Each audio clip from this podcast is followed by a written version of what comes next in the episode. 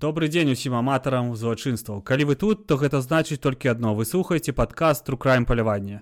Мяне завуць Ян. І мяне ўсё яшчэ завуць Ліза. Ну што віза, што ты нам падрыхтавала ў гэтым выпуску? А сёння у нас чарговы, але я спадзяюся апошні ў сезоне педафіл.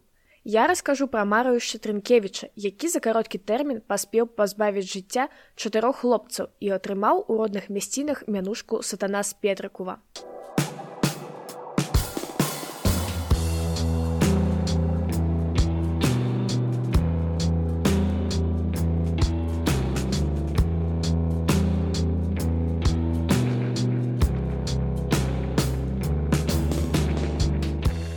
Марыю Штрынкевіч нарадзіўся 10 кастрычніка 1962 года ў горадзе Петрыкув трыбунальскі і быў адзіным дзіцём у сям'і Уладыслава і Уршулы. У маленькім зросце бацькі з дзіцём праводзілі шмат часу і шмат ім займаліся. Ён быў вельмі жаданым да таго праз праблему Уршула не магла мець яшчэ дзяцей. Ён тыповае адзінае дзіця, так мы яго выхоўвалі. Вось што казала маці пра Марыюша. Аточаны клопатам трохі раствораны ён падыходзіў да міру з перавагай. Калі хлопчык падрос, то больш даверлівай стасункі ён усталяваў з маці і ён мог расказаць уршулі пра ўсё. Маці была супакойная, мяне любіла, усё рабіла для мяне, але занадта доўга клапацілася, песціла. Так Трынкевіч апісваў сваё дзяцінства. Бацька тым часам быў у баку, пастаянна заваленыя працай старшыні апякунскага савета не цікавіўся асабістымі справамі сына, але можна было разлічваць на ягоную дапамогу. Ён не правакаваў канфліктаў, быў стрыманы. Па знешнім выглядзе Марыш адчуваў сябе падобным да маці, а ў думках ні на каго. У дзяцінстве ён асабліва не хварэў, толькі звычайныя дзіцячыя хваробы. Яго турбавала адсутнасць кантакту з асяроддзем. У школы Марыш паступіў ва ўзросце 6 гадоў. За клопат бацькоў ён адплаціў тым, што быў лепшым у класе. Пасля заняткаў хлопец ішоў дадому, бо яму не было з кім бегаць па двары. Ён не быў спартовы і не ўражваў аднагода. Асабліва не цікавіўся дзяўчатамі, але ж адна яму вельмі спадабалася. Дачка сяброўкі маці, яны бачыліся ў школе. Дзесьці каля трэцяга чацвёртага класа яна стала клікаць марыюша таўстуном, і ён ніколі больш не глядзеў у бок гэтай дзяўчыны. У яго не было смеласці. Я вось паслухаў все, што ты кажаш мне падаецца з боку маці была нейкая гіперапека. Калі я маю рацыю то ў будучыні мы можам пабачыць рысы ўласцівыя людзям якія былі пад вялікім уплывам бацькоў. Напрыклад такія рысы як эгаізм сталая патрэба ва ўлазе няўпэўненасць у сабе. Ты маеш рацыю. Праз шмат год нават у суде будзе сказана бацькі цікавіліся абвінавачаным больш чым ён сам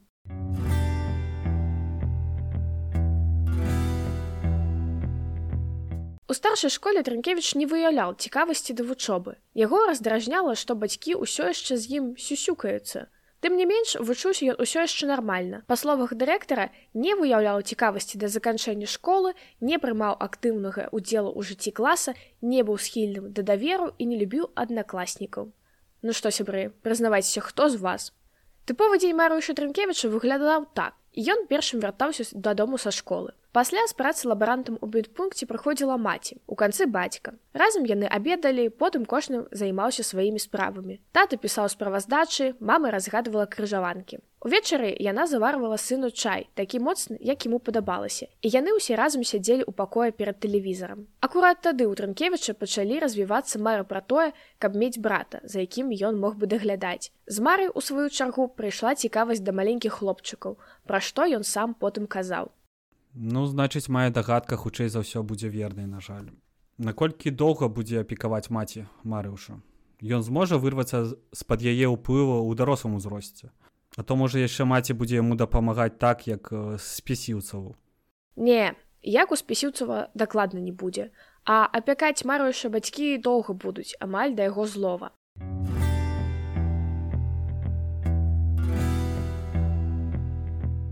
У 1981 годзе Марыюш скончыў ліцэй з дысертацыяй на тэму польскіх лагераў смерці падчас другой сусветнай вайны. Гэтая дысертацыя, а таксама добрыя вынікі алімпіяд павінны былі даць яму магчымасць паступаць у ВНУ без экзаменаў. Трынкевіч абраў для сябе кракаў, аднак універсітэт змяніў правіла набору вучняў і ён даведаўся, што ўсё ж мусіць здаваць уваходныя іспыты. І ўвогуле не паехаў у кракаў.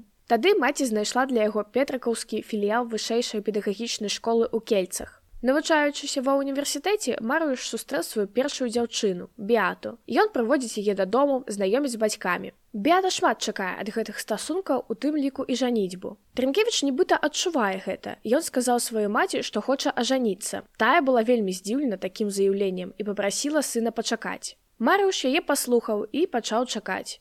Чым больш праходзіла часу, тым больш ён разумеў, што шлюб гэта не для яго. У 1984 годзе Марыш з бятай едуць важатымі ў дзіцячы лагер, дзе ўпершыню спрабуюць займацца сексам. Але нешта іх нічога не атрымліваецца. І Трынкевіч расходзіцца з гэтай дзяўчынай, а новую і не спрабуе шукаць.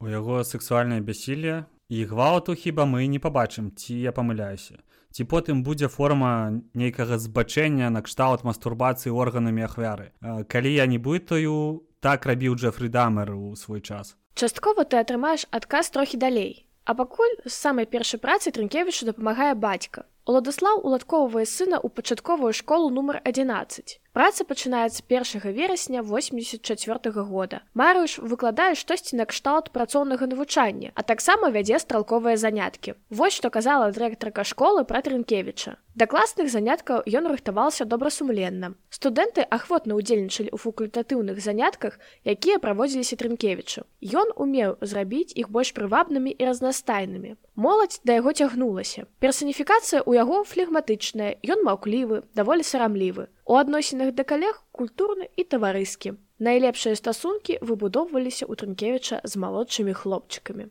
У 1986 годзе настаўнік вельмі цесна пасябраваў са сваім вучням артурам. Хлопчык наведвае яго ў кватэры бацькоў у іх адсутнасць, нават застаецца ночыць. Але Трынкевіч заўпэўнівае, што яны не спяць у адным ложку. Я ставіўся да яго як да брата. Мне падавалася праводзіць з ім час. Я любіў яго, клапаціўся пра яго. Я ніколі не думаў пра секс з гэтым хлопцам. Я ставіўся да яго інакш. Гэта быў мой брат.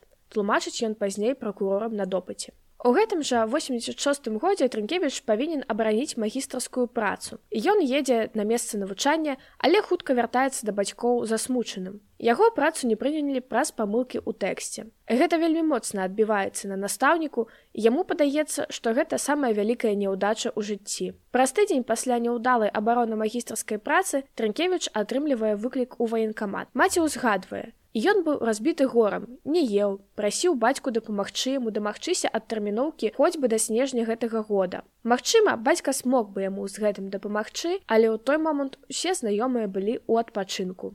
Трынкевіч пачынае казаць, што думае пра самагубства, што шакуе бацькоў. Пачынае апранацца ва ўсё чорнае. Маці кажа, што гэта падобна на скруху, але ж па каму? Марыш адказвае, што па сабе. У верасні пачынаецца кадэцкае навучанне, дзе Трынкевіч паказвае сябе пасрэдна, трымаецца ў баку ад іншых навучэнцаў. Дзякуючы кантактам бацькі ён пераводзіцца на іншае месца, але ж і там яму не падабаецца. Трынкевіч скардзіцца маці, што з яго смяюцца, кажуць спаць у раздзявальні і ён так больш не вытрымае. Падчас службы ён часта ездзіць дадому ў петрыков, але толькі для таго, каб пазнаёміцца з хлопчыкамі. На мяжы 86-87 гадоў Трынкевіч гвалтам зацягнуў двух хлопчыкаў на бацькоўскае лецішча, дзе сілую трымаў некаторы час. Міліцыя хутка яго ловіць. Праз тое, што ў той час ён знаходзіўся на вайсковай службе, той судзіць яго вайсковы трыбунал. Яму даюць усяго адзін год пазбаўлення волі з адтэрміноўкай на два гады. Воу, так. А що ён рабіў з хлопцамі некалькі гадзін, толькі ўтрымліваў ці нешта яшчэ. Тут, на жаль, адназначнай інфармацыі няма. У інтэрв'ю сам Транкевіч кажа, што ён нікога не гвалці і усяго толькі дакранаўся да целаў хлопцаў. А ў розных артыкулах ужо напісана, што сексуальны гвалт усё ж быў. Слухай, мне заўсёды падавалася, што вайсковы трыбунал больш жорсткі за грамадзянскі суд. Ці гэта ці гэта можа ўсё праз дапамогу бацькі бо ён нейкі ўплывовы чалавек мне падаецца? Ну вось мне так думалася што больш жорсткі павінен быць вайсковы суд але неяк так атрымалася. Наконт бацькоў тут інфармацыі няма так што хутчэй за ўсё гэтым разам ён справіўся без іх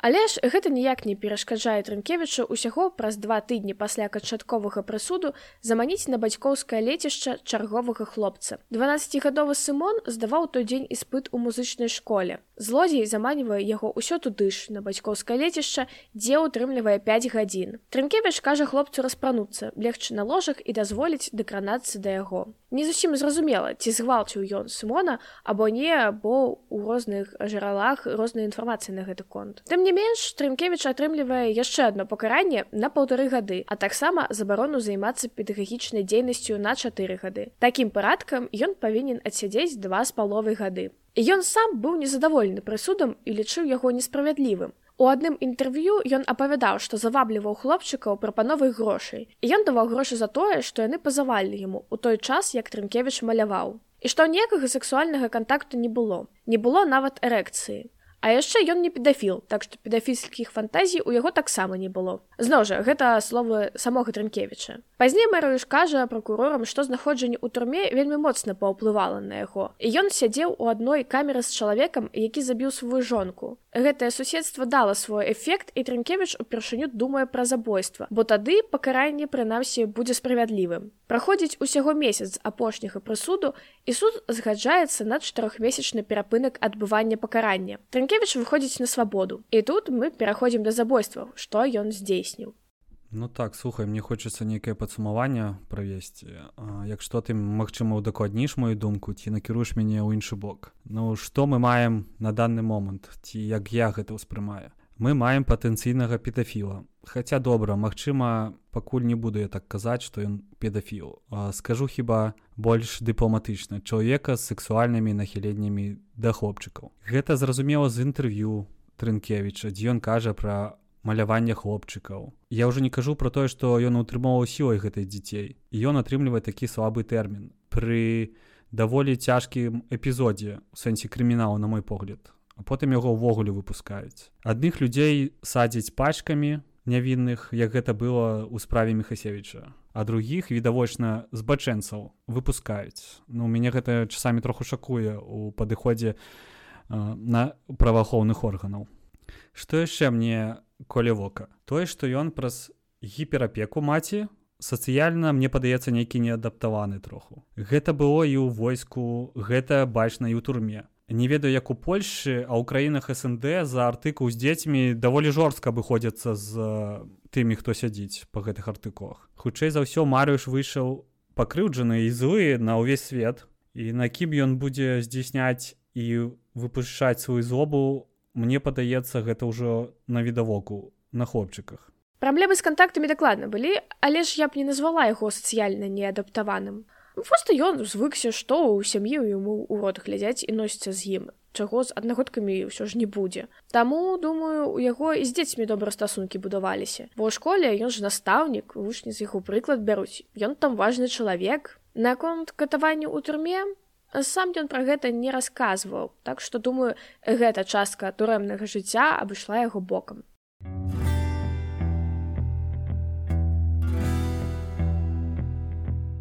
Четвертого ліпеня 1988 года трынкевич едзе на возера і ён адразу кіруецца туды з думкай што калі ему сустрэнецца самотны хлопец то ён яго заб'е. На жаль так і атрымліваецца. Забойца сустракае 13гадовага войтыка і ён заваблівае яго ў кватэру кажучы што там хлопчык можа пастрэліць пнеўматычнай зброі а таксама зарабіць крыху грошай за пазаванне войтак давярае мужчыне які прадстаўляецца настаўнікам і ідзе разам з ім У кватэры Трынкевіча хлопчык праводзіць некалькі гадзін. І ён нібыта пачынае падазраваць, што ў дарослага ёсць нядобры намер. Трынкевіч, заўважаючы клопат госці, вырашае, што ад яго трэба хутка пазбаўляцца. Войта крычыць і забойца запіхвае яму ў рот губку для выцірання пылу і душыць яго. Пасля гэтага ён заварочвае цела ў зялёную коўдру і кладзе яго ў скрынку. Трынкевіч перавозіць труп на сваім мотацыкле ў лес каля таго самага возера, дзе і пазнаёміўся з войтыкам і пакідае яго там. У гэтым забойстве Трынкевіч прызнаўся праз месяц пасля затрымання. На допытах ён сцвярджаў, што не памятае дакладна, як ён пазбаўляў жыцця войтыка. Памятае толькі, што крыві не было, так што ён яго верагодна задушыў Марыш адмовіўся ехаць на пошукі цела, але пры гэтым даў вельмі падрабязнае апісанне таго, дзе ён пахаваў хлопчыка. Не прайшло і месяца пасля забойства войтака, як Трынкевіч зноў заваблівае маленькіх ахвяр у сваю кватэру. 29 ліпеня Артур Каўчынскі разам са сваім бацькам прыехаў у горад да свайго стрэчнага брата Тома Шалойка. Хлопцы бавілі час дома пад назіранне маці Томаша, Марыі. Перад абедам жанчына паехала ў горад і папярэдзіла братоў, каб яны нікуды не хадзілі. Калі маці Томаша вярнулася, то нікога дома не адшукала. Спярша жанчына не вельмі клапацілася на гэты конт, бо думала, што хлопцы маглі паехаць катацца на ровах, як яны часта робяць. Але ж чым больш часу праходзіла, тым больш станавіўся ейны клопат. Марыя пайшла да качмаркаў, з сынам якіх сябраваў Томаш. Суседзі мяркуюць, што хлопчыкі хутка вярнуцца і пакуль можна не пужацца іх знікнення. Праходзіць цэлы дзень, а Артур Каўчынскі, Тома Шлоек і Кшыштаф Качмарык так і не вярнуліся дадому. Бацькі хлопцаў адпраўляюцца да возера абшукваць бераг. Яны свецяць ліхтарыкамі крычаць, але ўсё беспаспяхова. Мужчыны нават дапускаюць, што хлопчыкі маглі патануць, але на беразе няма вопраткі або іншых асабістых рэчаў. Яны вяртаюцца дадому ні з чым, але ж Марыя Лоек ужо звярнулася ў паліцыю. На наступны дзень усе бацькі далучаюцца да пошукаў дзяцей. Яны ідуць у горад, а таксама зноў на возера, дзе запытваюцца ў людзей пра хлопцаў. Ім кажуць, што дзяцей бачылі, калі яны купаліся ў папярэдні дзень, але куды яны пайшлі невядома. Насамрэч шмат хто пазнае таго ці іншага хлопца по фатаграфіі. Часта сведкі вельмі супярэчныя аднак сем'і не губляюць надзеі. Ніхто не хоча верыць што дзяцей ужо няма ў жывых. У дзіцячым намётавым лагеры кажуць што побач з імі некалькі разоў праходзіў высокі мужчына у спартовым касцюме і саламяным капялюшы адна з дзяўчын нават пазнала томашыб на фотаздымку. Пра гэта даведваецца прэса і начынаюць паўсці чуткі хтосьці казаў што хлопцы беглі за мяжу хтосьці што гэта кіднеперы і трэба са дня на дзень чакаць ліст з патабраваннем выкупу. Станіслав Качмарык, бацька Кшыштафа, правярае кожную плётку, нават самую неверагодную, але ж гэта ні да чаго не прыводзіць. Паліцыя тым часам правярае торыю, што хлопцы насамрэч маглі ўцячы з дома, але ж гэта не сцвярджаецца. Кшыштаф качмарык, калі хацеў паехаць на возера, то заўсёды пытаўся ў бацькоў дазволу і вяртаўся праз дзве-тры гадзіны. Ён толькі што скончыў пяты клас і быў вельмі добрым вучнем. Бацькі ганарыліся кшышам, таму што ён быў разважлівым, рашучым, самастойным і гатовым да любой працы. Тома Шлоек быў паслухмяны хлопчык, вельмі прывязаны да маці, спакойны. На самой справе ён ведаў толькі дарогу з дому да школы і назад. Сам ён ніколі не сыходзіў, а калі хацеў наведаць каго-небудзь сяброў, то заўсёды прасіл у маці дазволу. Артур Каўчынскі паходзіў з іншага горада. Яго маці і маці Тома Шалойка гэта родныя сёстры. Артур быў спакойным хлопчыкам, нават нясмелым, баяўся цемры, баяўся застацца дома адзін. Ён добра вучыўся і меў тыповыя для яго ўзросту інтарэсы. Збіраў маркі, разводзіў рыбак, вельмі любіў гуляць у футбол. Так што пра ўцёкі з дому не магло быць і гаворкі. Ведаеш, гэта гісторыя мне нагадала справу Сергея Галоўкіна у яго ёсць такі эпізод калі ён заманіў да сябе ў гараж траіх хлопцаў. І ведаеш гэта наверное самы жахлівы момант струкрайму які я магу згадаць. Мне падаецца цяжка ўявіць што адчуваў той хлопец які апошні заставаўся у тым гаражу і глядзеў як галоўкін здзекваюцца над яго сябрамі. І гэта просто мне падаецца жах нейкі. І тут таксама трое хлопцаў знікаюць і трое за один раз гэта ўвогуле. Да ўвогуле любое забойство цяжка тут прям вельмі вельмі складана гэта ўсё. Так гісторыю якую ты узгадала насамрэч вельмі жахлівая і мне таксама падаецца што нейкі агульны рыс тут ёсць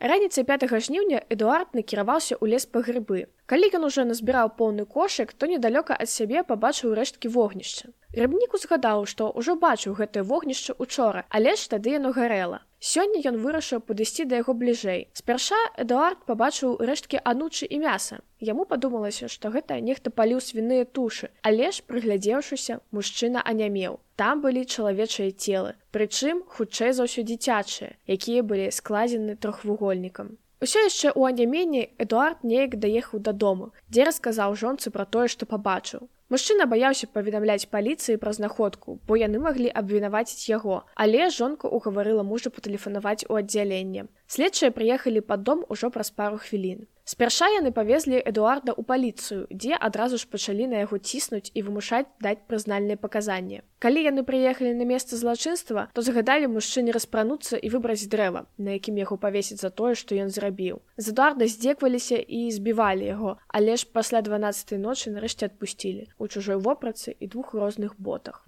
О, вельмі знаёмыя метады вядзення следства і пошука віноўных. Слухай, калі паглядзець на даты знікнення і калі былі знойдзены целы, прайшло не шмат часу. Таму у меня пытанне: ці будуць знойдзены насамрэч вельмі важныя нейкія зачэпкі, якія дапамогуць хутчэй зловіць залачынства. І адразу наступнае пытанне. За апошні час я пабачыў, як працуе польскае следства і польская паліцыя. Ці не згубяць яны ты доказы дзе-небудзь па дарогі. Не ведаю, адправіўшы почтай польскай, напрыклад, як гэта было ў справе пінкальскага як у пінкайскага тут не будзе тут насамрэч мне падаецца паліцыя адпрацавала якасна так што ўсё будзе знойдзена і нічога не будзе згублена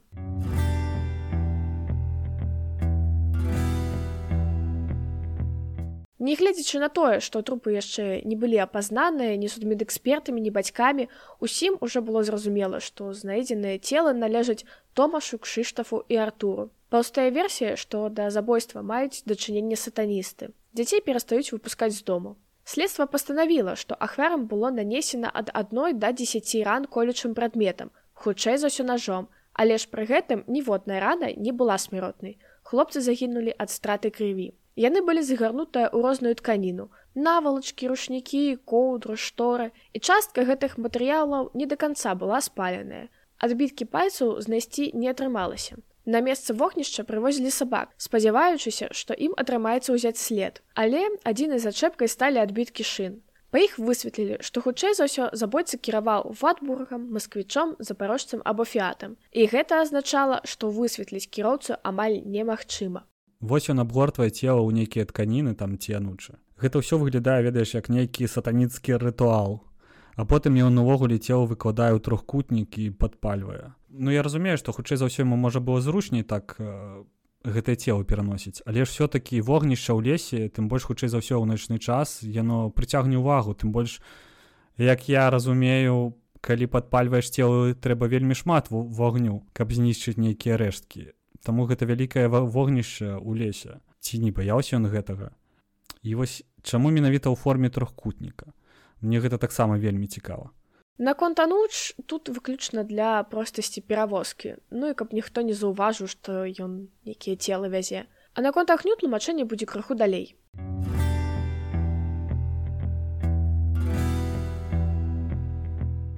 Кропку ў пошуках паставіла запіска, перададзеная следчым. Прапаршчык з іншага аддзялення прыгадаў, што год таму была справа над марыўшым Трынкевічам, які быў пакараны за непрыстойныя дзеянні з маленькімі хлопчыкамі. Трынкевіча затрымалі 11 жніўня праз 6 дзён пасля выяўлення цел. У той жа дзень ён адразу прызнаўся ў прад'яўленых абвінавачваннях. На допытах ён вельмі будзённа апавядаў пра тое, якім парадкам было здзейсненае злачынства.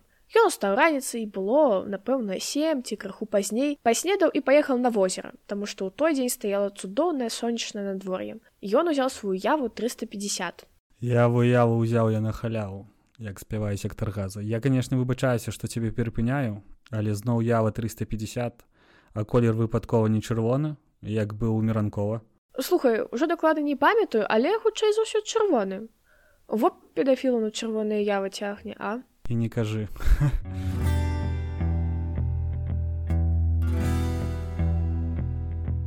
Прыехаўшы, паставіў матацыкл недалёка ад вады, а сам сеў на насып. Таркевіч доўга сядзеў і назіраў за дзецьмі, якія купаліся. Яму заўсёды падабалася глядзець на хлопчыкаў. Гэта супакойвала яго, разгружала. У нейкі момант яго ўвагу прыцягнулі трое хлопчыкоў, якія ідуць уздоўж берага. Ён бачыў, як яны падышлі да рыбака, які сядзеў і пра нешта з ім пагаварылі. Марыю Штранкевіч хацеў спыніць іх, але хлопцы самі падышлі да матацыкла. Ён пачаў размову і вось ужо праз хуткі час Артур пачаў расказваць пра сваіх рыбак. Нашто дарослы сказаў, што яго таксама ёсць рыбкі. Тры акварыума і калі хлопцам цікава, то яны могуць прыйсці паглядзець на іх. Кшыштаф нагадаў сябрам, што ім ужо трэба вяртацца дадому і Трынкевіч занепакоіўся. Я настаўнік, сказаў ён, таму вам не трэба нічога баяцца. Мы не баімся, але трэба вяртацца да абеду. Калі вы пойдзеце да мяне я дам вам сёе тое але гэта сюрпрыз я таксама веду секцыю стральбы так што калі б вы хацелі пастраляць я б даў вам такую магчымасць магчымасць пастраляць бударажыць хлопчыкаў так што яны вырашаюць прыйсці на паўгадзіны да настаўніка у кватэры яны разглядаюць рыбак слухаюць хэві-метал пласцінкі разглядаюць малюнкі перад тым як пайсці пастраляць трынкевіч прапановвае гасцям гарбату але хлопцы адзін за адным адмаўляецца узгадваючы што ім яшчэ абед трэба дома з'есці у нейкі момант марыю штрынкевіч адчуў у сябе неспакой унутранае напружанне якое нарастала як хваля у яго была адна маніякальная думка А што будзе, калі хлапчукі, выйшаўшы з яго кватэру, раскажуць дома, дзе яны былі. Ён ужо сядзеў за непрыстойныя дзеянні да непаўналетніх за іх утрымання. Хлопцы працягвалі весяліцца. Урэшце усе трое селі на два фатэля і нехта сказаў, што на сёння досыць. Ім трэба ісці па хатах. У гэтым месцы Марыю Штрынкевіч хаваецца за забыццём. Ён сцвярджае, што яго напаткаў быццам бы транс. Як скрозь туман ён бачыць хлопца, які ляжыць на падлозе, а кроў лецца з рота. Ён бачыць, як ён апранае на галовы паліталенавыя пакеты, абмотвае цела анучамі памятае таксама што зайшоў у ванную і яго доўга ванітавала. Трынкевич усё яшчэ быў у забыцці. Цягаўся па пакоі выцягваў прасці рушнікі абмотваў імі целы. Усё гэта адбывалася як бы па-за ім у іншых вымярэннях у іншай прасторы нават у іншым часе. Ён бачыў сябе але ж ведаў што бачыць кагосьці зусім іншага. Аднак падчас наступных допытаў ён пачынае ўспамінаць усё больш і больш дэталяў. Перш за ўсё нож, якім ён наносіў зверху удары. Ён не выбіраў месца, а калі адзін з хлопчукоў пачаў пускацца на падлогу, ён нават падтрымаў яго, бо не хацеў, каб яго галава стукнулася паркет. Яны абараняліся, ён не памятае. Яны заклікалі на дапамогу. Ён таксама не памятае. Суседзі, апытаныя следчымі, мала што маглі сказаць пра той трагічны ліпеньскі дзень. Так, хтосьці там чуў нейкія крыкі, нешта накшталт. Людзі ратуйце або дапамажыце, але гэта не выклікала ў каго-небудзь цікавасці. Было 5 гадзін вечара, калі Марой Штрынкевіч замкнуў кватэру на ключ і адправіўся абедаць да бацькоў, якія жывуць у суседнім квартале. Там ён выявіў, што пад пазногцямі ў яго кроў, і тады яму прыйшло ў галаву, што ён зрабіў нешта вельмі дрэннае. Ён не кажа нешта жахлівае або страшнае, а акурат нешта вельмі дрэннае. Ён сцвярджае, што ўсё яшчэ не ведаў, што ён зрабіў, але яго свядомасць пачала павольна адкрывацца. Калі Трынкевіч вярнуўся да сябе і адчыніў дзверы, ён усё зразумеў. Зразумеў, што здзейсніў забойства. Цела хлопчыкаў па-ранейшаму ляжалі побач з фатэлямі. Трынкевіч садзіцца на крэсла. Ён не ведае, спаў ён ці знаходзіўся ў анямені. Калі ён прачнуўся, было ўжо цёмна. Ён паспешліва ўскочыў і пачаў збіраць трупы. Ён шукаў усё, што мог прасціны, рушнікі, шторы. Забойца стараўся, каб па форме цела нагадвалі дарожныя сумкі. Затым ён паасобку выносіў цела ў сутарэнне. Гэта працягвалася некалькі гадзін, так як пасля кожнага спуску ён доўга адпачываў. Калі ён вынес апошняга з хлопчыкаў, ён заўважыў, што ў пакоі засталася кроў, там, дзе ляжалі трупы. Таму Транкевіч падрыхтаваў ваду і анучу і пачаў мыць. Пасля працы ён прыняў лекі і пасеўшы ў фатэлі заснуў. Ён прачнуўся каля трох гадзін ночы. Тут у паказаннях Транкевіча сталі з'яўляцца недакладнасці. Спачатку ён сцвярджаў, што ў тую ж ноч вывез гаража бацьку аўтамабіль маркі Ватбург, перанёс да яго цела, адвёз у лес і там падпаліў іх. Ён вярнуўся дадому а шостой раніцы і адразу лёг спаць. Прачнуўшыся, ён выдаліў рэшткі крыві ў кватэры і праліў жоўтую фарбу на падлогу ў падвале. Слухай, я калі пачуў варбург, у меня такі ўспаміны, у меня першая машына была акурат варбург. Такая драўляная капец просто, а не гідраўзмацніцеля кіраўніцы, а просто нічога, гэта нейкі жах. Гэта такая вялізная няўклюжая волга. А мне, дарэчы, марка гэтай машыны нагадвае марку маёй гітары вашбурн.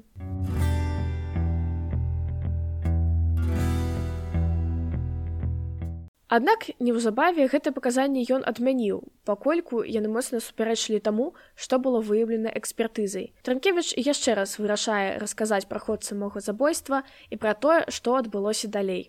Праўда, кажа ён, што ў момант здзяйснення забойства ён быў у нейкім трансе, не задумываўся пра тое, што робіць. Праўда, і ў тым, што ён не здзяйсняў у адносінах да хлопчыкаў нейкіх непрыстойных учынкаў. Неправда, аднак, што ў тую ж ноч ён вывез трупы ў лес і падпаліў іх. Пасля паўночы ён аднёс целу ў падвал. У наступныя дні ён паліваў туды нейкую хімію, таму што пачынала пахнуць і суседзі маглі нешта западозрыць. Толькі ў ноч з 3 на 4 жніўня ён вырашае вывесці з сутарэння цела хлопцаў. Транкевіч бярэ бацькоўскую машыну, спускаецца ў падвал, па чарзе складае трупу ў скрыні і выносіць да ватбуха. Гэта доўжыцца гадзіну. Затым ён павольна, без правоў кіроўцы, едзе ў бок лесу з намерам кінуць дзе-небудзь трупы. Ён спакойны і ўраўнаважны. У нейкі момант у свеце ліхтароў бачыць лясную дарогу і паварачвае на яе. Цела хлопчыка ён складае ў трохвугольнік, аблівае бензінам і падпальвае. Агонь, кажа ён, валодае ачышчальнай сілай. Гэта тое, што назаўжды разбурае матэрыю, нават матэрыю памяці. Праз агонь ён хацеў сцерці са сваёй памяці ўчынак, які здзейсніў.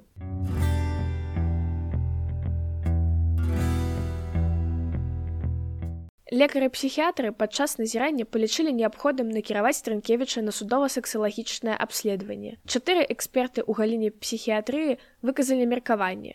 Трынкевіча характарызуе эгацэнтрызм, эмацыйная халоднасць у адносінах з людзьмі. Ён настроены выключна на задавальненне сваіх патрэбаў. І ён не праяўляе павагі да прынятых прынцыпаў грамадскага жыцця, мае комплекс адзінага дзіцяці, а таксама здольнасць да планавання. Прытым вельмі разумны. IQ 121. 29 верасня 1989 года Марыю Штрынкевіч быў прысуджаны да смяротнага пакарання чатыры разы за кожнае забойства. Аднак праз амністыю смяротнае пакаранне было заменена на 25 гадоў пазбаўлення волі. На пытанні, ці будзе ён запрашаць да сябе непаўналетніх хлопцаў пасля выхаду на волю, і ён адказаў так вядома. Адбыванне пакарання скончылася 11 лютага 2014 года. За дзень да вызвалення забойцы супрацоўнікі сеза перадалі ў пракуратуру знойдзеныя ў камеры Марыю Шатрынкевіча эскізы і фатаграфіі, якія, як мяркуецца, змяшчаюць педафільны контент. 11 лютага пракуратура даследаваўшы прадстаўлены матэрыял прыйшла да высновы што матэрыял не змяшчае забароненага законам контенту. У той жа дзень трынкевіч быў вызвалены 3 сакавіка 2014 года суд на падставе закона аб судовым разглядзе ў дачыненні да асоб якія уяўляюць пагрозу прызнаў марышы трынкевіча асобай якая прадстаўляе пагрозу і пастанавіў яго ізаляваць у закрытым цэнтры ў гастыніне ужо знаёмая назва так 31 ліпеня 2015 года яго прысудзілі да 5 з паловай гадоў пазбаўлення волі за захоўванне дзіцячай парнаграфіі. 30 кастрычніка 2015 года ў цэнтры ў гастыні адбылося вяселле Марыю Штрынкевіча. Жанчына не раскрывае свае асабістыя дадзеныя, але дала адно інтэрв'ю, дзе казала: « Я думаю, што людзі занадта шмат увагі надаюць падзеям 88 года. Я спытала Марыша пра мінулае, хоць толькі пасля двух гадоў знаёмства. Ён сказаў, што забіў гэтых хлопчыкаў і сам дагэтуль не ведае чаму, але ён ніколі не гвалтаваў іх, як пісалі змі. Калі нарэшце вызваліцца, то мы адправімся ў вясельнае падарожжа ў гэты лес у петраку трыбунальскі, які так любіць марыш. Аднак вясельнае падарожжа не атрымалася. У красавіку 2021 года гастынінскі раённы суд прасудзіў яго да 6 гадоў пазбалення зноў-такі за захоўванне дзіцячай парнаграфіі. Ведаеш, у нас гэта ўжо чацвёрты выпуск будзе па Польшы і кожны раз я просто здзіўляюся польскай сістэме праваахоўнай. Гэта нейкі карачун ведаеш. Я не разумею, як можна прыцягнуць, схаваць, занесці ў турму дзіцячую парнаграфію. Вядома это магу зразумець нейкі плейбой там але дзіцячая парнаграфія мне падаецца яна і так вельмі глыбока схована дзесьці у глыбінным даркнеце хіба. Просто я дзіву даюся з польскіх праваахоўнікаў часамі насамрэч. Ну вось так. Вельмі добрае пытанне. І яшчэ пару цікавых фактаў. У лістападзе 2018 года на выставе татудейс у лодзі былі прадстаўлены працы знявольных у тым ліку і творчасць трынкевіча У 2014 годзе па інтэрнэту хадзіла страшылка, што Марыю Штрынкевіч узламаў прыладу Толкін Анджела і праз яе высочвае сваіх новых ахвяр. Ты хутчэй за ўсё не ў тым узросце і не тое, каб не памятаеш гэтага, а не ведаеш, э, што такое там Толкін Анджела. А я памятаю, у нас па школе насамрэч хадзілі такія байкі. Хутчэй за ўсё імя Трынкевіч там не ўзгадывалася, але байка была. Дзякуй, канешне, за старога Дякуй. Э, Прывітанне ўсім пакаленню міленіалу, ці як там нас называюць. Наконт выставы. Дарэчы, мне падаецца гэта цалкам агульнасветавая практыка я памятаю што выставлялі э, малюнкі і тэда бандзі хіба і на прадавалі іх таксама прадавалі малюнкі гейсі Вось э, так што ну мяне гэта не, не здзівіла конечно ну а наконт прылады ну слухай людзі любяць у нас страшылкі прыдумваць каб дзяцей пужаць адзін аднаго не?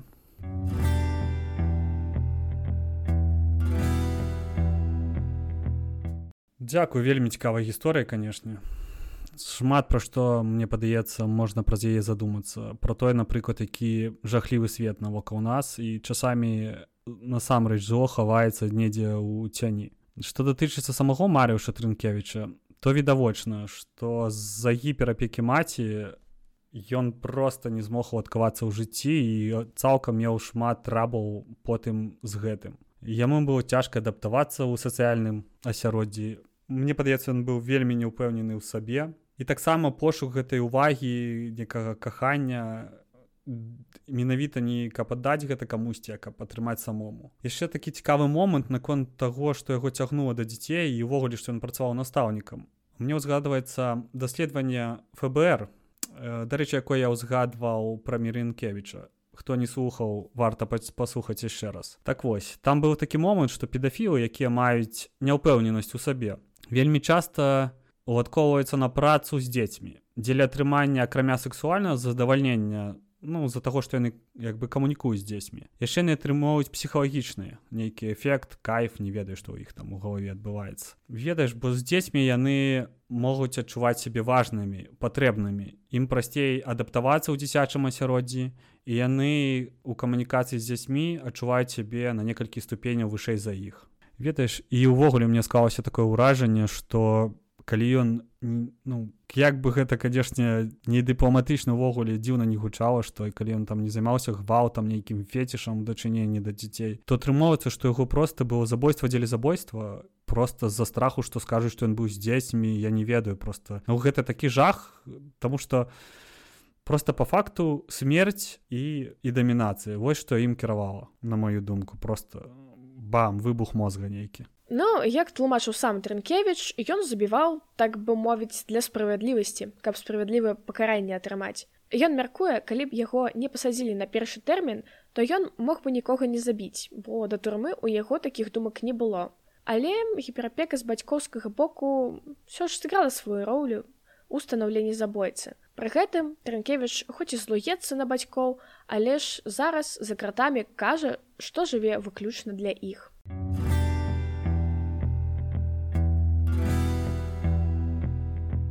Дзякуй сябры, што былі сёння з намі. Не забывайцеся на нашыя сацыяльныя сеткі.